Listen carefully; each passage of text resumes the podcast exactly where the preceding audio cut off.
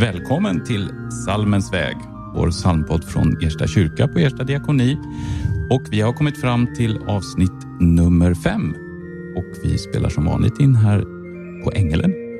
Vi sitter med ett Slussenbygge utanför, så hör ni något oväsen så är det det som ackompanjerar oss. Idag sitter vi tre stycken här. Det är jag, Hans Ulvebrant som vanligt och vår gäst Johanna Öhman. Varmt välkommen hit. Tack. Du är kyrkoherde i Sofia församling här i Stockholm och prost på Södermalm. Ja. Jag slänger ut en bred fråga till dig på en gång. Hur är ditt förhållande till salmer?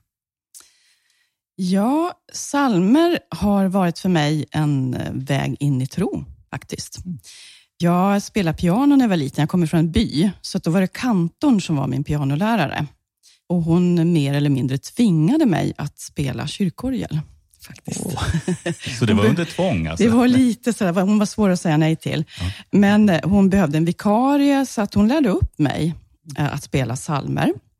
Så att jag satt där och spelade psalm efter psalm genom hela psalmboken och sjöng till.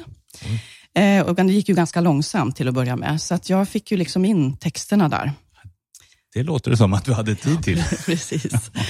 Ja, så, att det, så det är mitt förhållande. Så det är en väldigt stor del av mitt eh, andaktsliv och ja, psalmerna finns i huvudet. Liksom. Ja, det. Och sen tog det dig vidare då till prästyrket? Ja, precis. Jag gillade ju musik och höll på med det mycket, men jag kände ändå att det, men det var ordet som var min väg. Så jag har musiken med mig, men ordet och då blev det präst så småningom. Då. Mm. Byn som du talar om, var ligger den någonstans då? Eh, Den, ligger, den heter Rosvik och Ja. ligger mittemellan Luleå och Piteå. Mellan Luleå och Piteå, ja. ja Mm. så, så, så. Bär du med dig, har du med dig någon eh, väckelsefromhet därifrån? Precis så där. Alltså det finns ju väldigt mycket. Det är ju EFS, Ja, just Evangeliska Fosterlandsstiftelsen, som är väldigt stark där. Sen har inte jag det i min familj eller så. Men man kommer i kontakt med det och det är en samarbetskyrka där och så. Så att det, det finns med. Så det är mycket sådana väckelsesalmer har jag hört väldigt mycket i mitt Ja, liv. Mm. Du har ju valt ut några psalmer här som betyder mycket för dig och en är ju då 298. Vi reser ett tecken. 398. Ja, tre- Till och med det är bra. 398. Det är rätt, helt riktigt, det är bra. Jättebra. 398. Mm. Eh, kan du berätta lite om varför, den, varför du har valt den? Ja, alltså jag har ju jobbat tidigare väldigt mycket med ungdomar. Och då är det här en sån psalm som man sjunger väldigt mycket. Och man sjunger den i samband med nattvard. Och eh, jag vet att redan när jag hörde den första gången så blev jag så glad för att den har ju liksom ett väldigt tilltal. Kyrkan är i världen eh, och vi reser ett tecken. Eh, Herren är en given för alla, rättvisans tecken, en måltid dela med alla de fattiga hoppas. Alltså det är en solidarisk tanke som finns i den, att nattvarden är en bild av eh, en måltid där vi alla får vara med och de fattiga får sin plats. Liksom. Mm. Så det är en sån tanke och ehm, den har ju också en sorts vismelodi som jag tycker om. Det är ju Per Harling som har skrivit melodin. Och Jonas Jonsson har texten. Jonas Jonsson har skrivit texten. Mm. Så den har följt mig. Tycker den är värd att sjungas mycket. När det gäller nattvarden så brukar man ju säga att det är en minnesplats, en mötesplats och alla delar lika. Mm. Oavsett varifrån man kommer. Jag, tycker jag tror vi ska lyssna på den nu va? Ja, men det gör vi. Vi lyssnar på psalm 398. Vi reser ett tecken.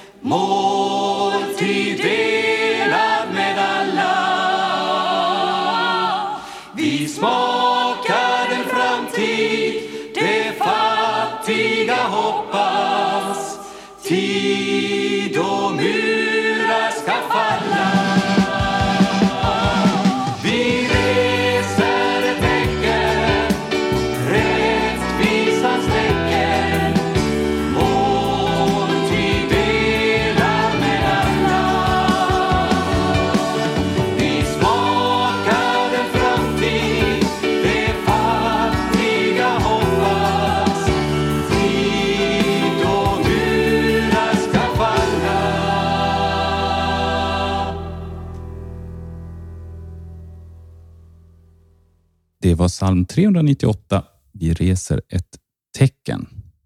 Var det här en psalm du övade mycket på när du satt och gick igenom psalmboken? Eh, ja, alltså jag spelar ju den gamla psalmboken då mycket. Det här var ju ny, men jag spelar ju den naturligtvis. Ja. Jag hade alltid lite svårt för synkoper och sånt där. Så Ja. att, de här moderna psalmen, det finns ju inte i den här kanske. Ja, jag kommer inte ihåg. Och gick Men- det med pedalspelet? Eh, jo, det gick bra. bra. Ja. jag har bra simultankapacitet. Ja, det är bra. Det låter bra. Det låter bra. Du sa tidigare att ändå är det ordet Mm.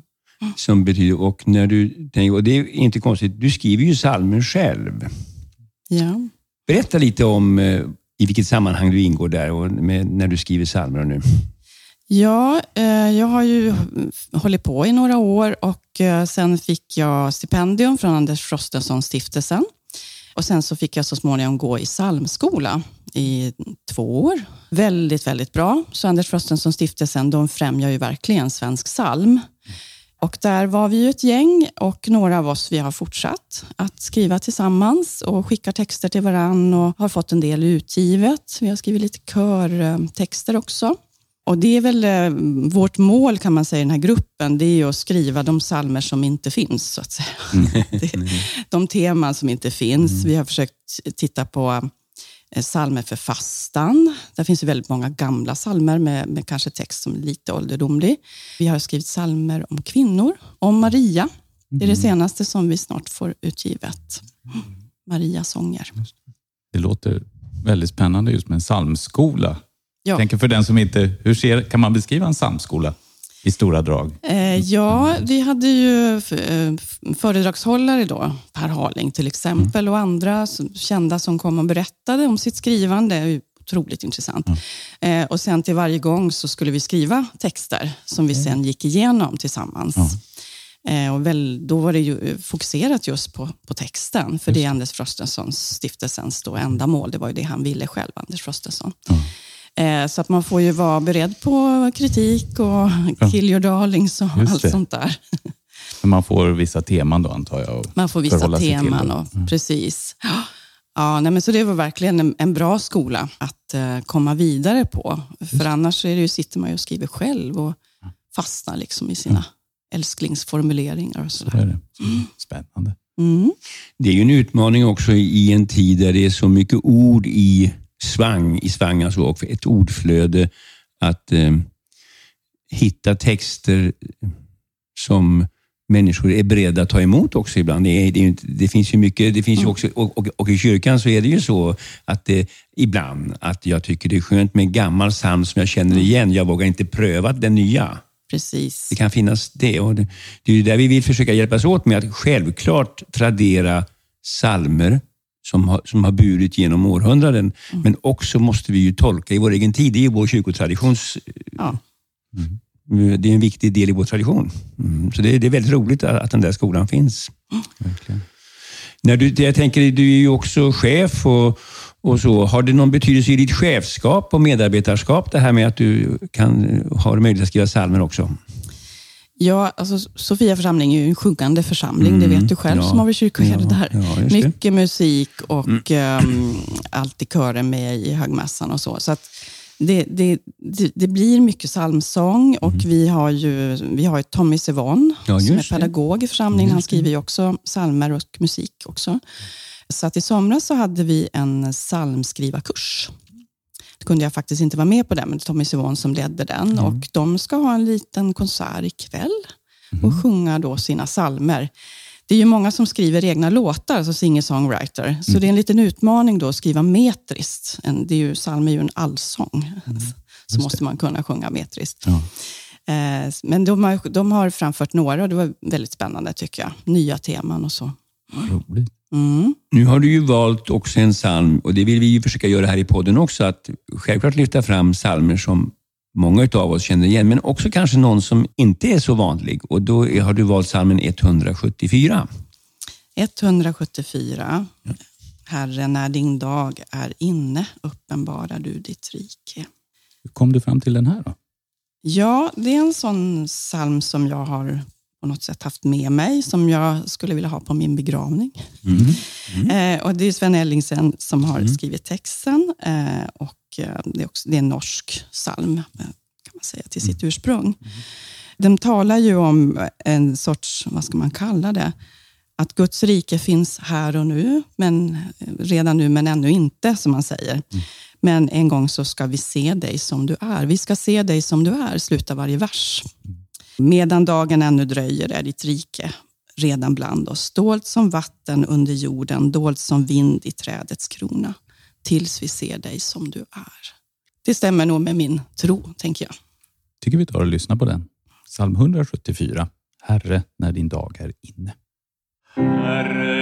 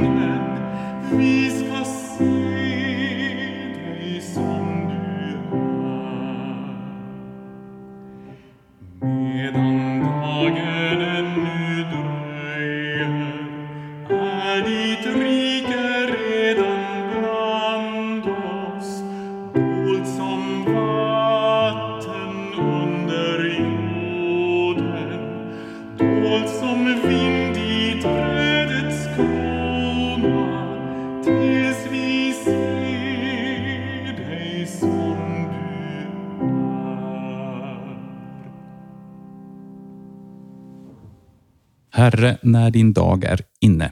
Det var psalm 174 som vi lyssnade till. Johanna, du talade om ett, eh, just det här grundläggande temat, ett redan nu och ett- ännu icke, när vi, eh, när vi, som hör ihop med psalmen 174. Jag hade glädjen att få vara med på en disputation här för några dagar sedan utav Sabina Koy som nu blev till präst i Storkyrkan och blev teologidoktor. Och då hon, den handlade om vi, vikten av att ha tillit till fragmenten och ett kanske. Eh, Jag tycker det är väldigt intressant. Och det är ett redan nu och ett ännu icke. Det är liksom underteman under redan nu och ännu icke. Jag frågade ju dig förut om det där. Eh, vad är det som har tagit tag i dig med salmen från början och sånt där? Kan du berätta lite mer kanske? Ja, alltså, den, jag tycker den här salmen den handlar ju om hoppet. Det är liksom hoppet som är bärande i allt. Eh, och Som jag förstått det så, så jobbade Sven Ellingsen med den här väldigt länge. Han fick den liksom inte att sitta, så att säga.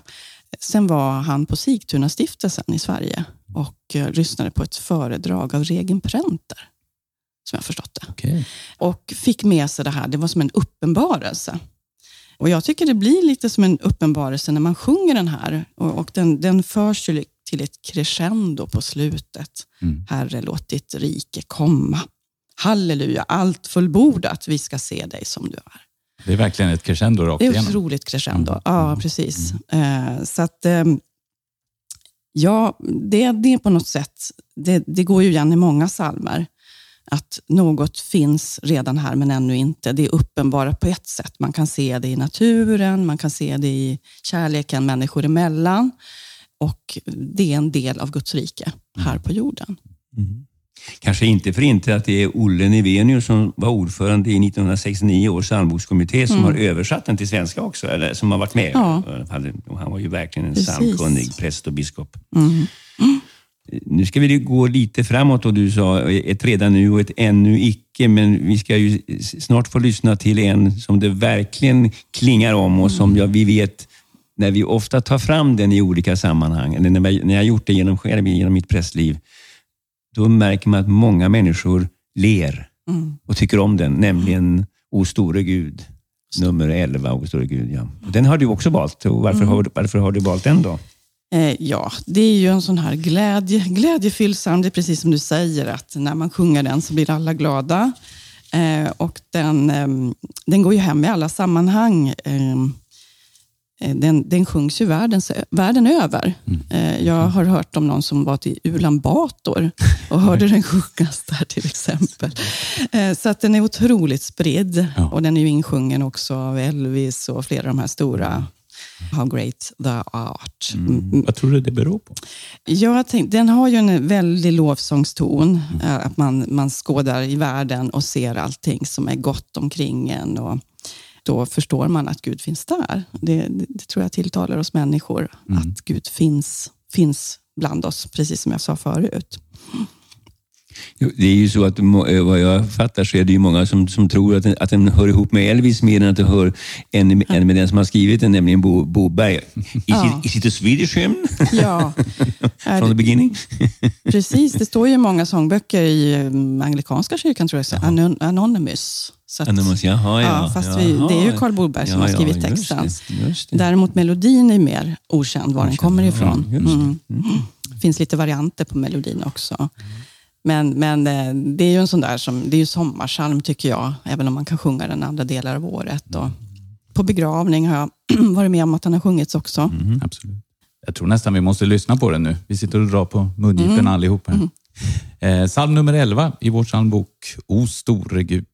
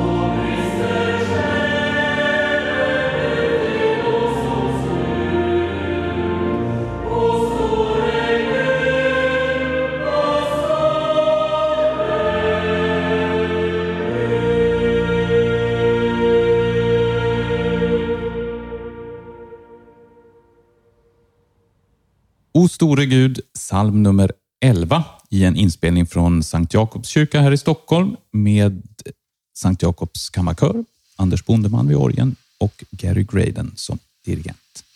Johanna, i början av programmet så var vi inne på din väg in i kyrkan kan man väl säga, Mm. genom salmen och du spelade orgel. Du nämnde, eller du nämnde inte, men du ville nämna några salmer som betyder mycket för dig där i ingången. Kan du berätta mer om det? Ja, nej men jag satt ju och spelade och sjöng då, som jag berättade om. Och eh, Jag var ju lite främmande för kyrkan. Jag hade ju gått i söndagsskola och sådär, men ändå.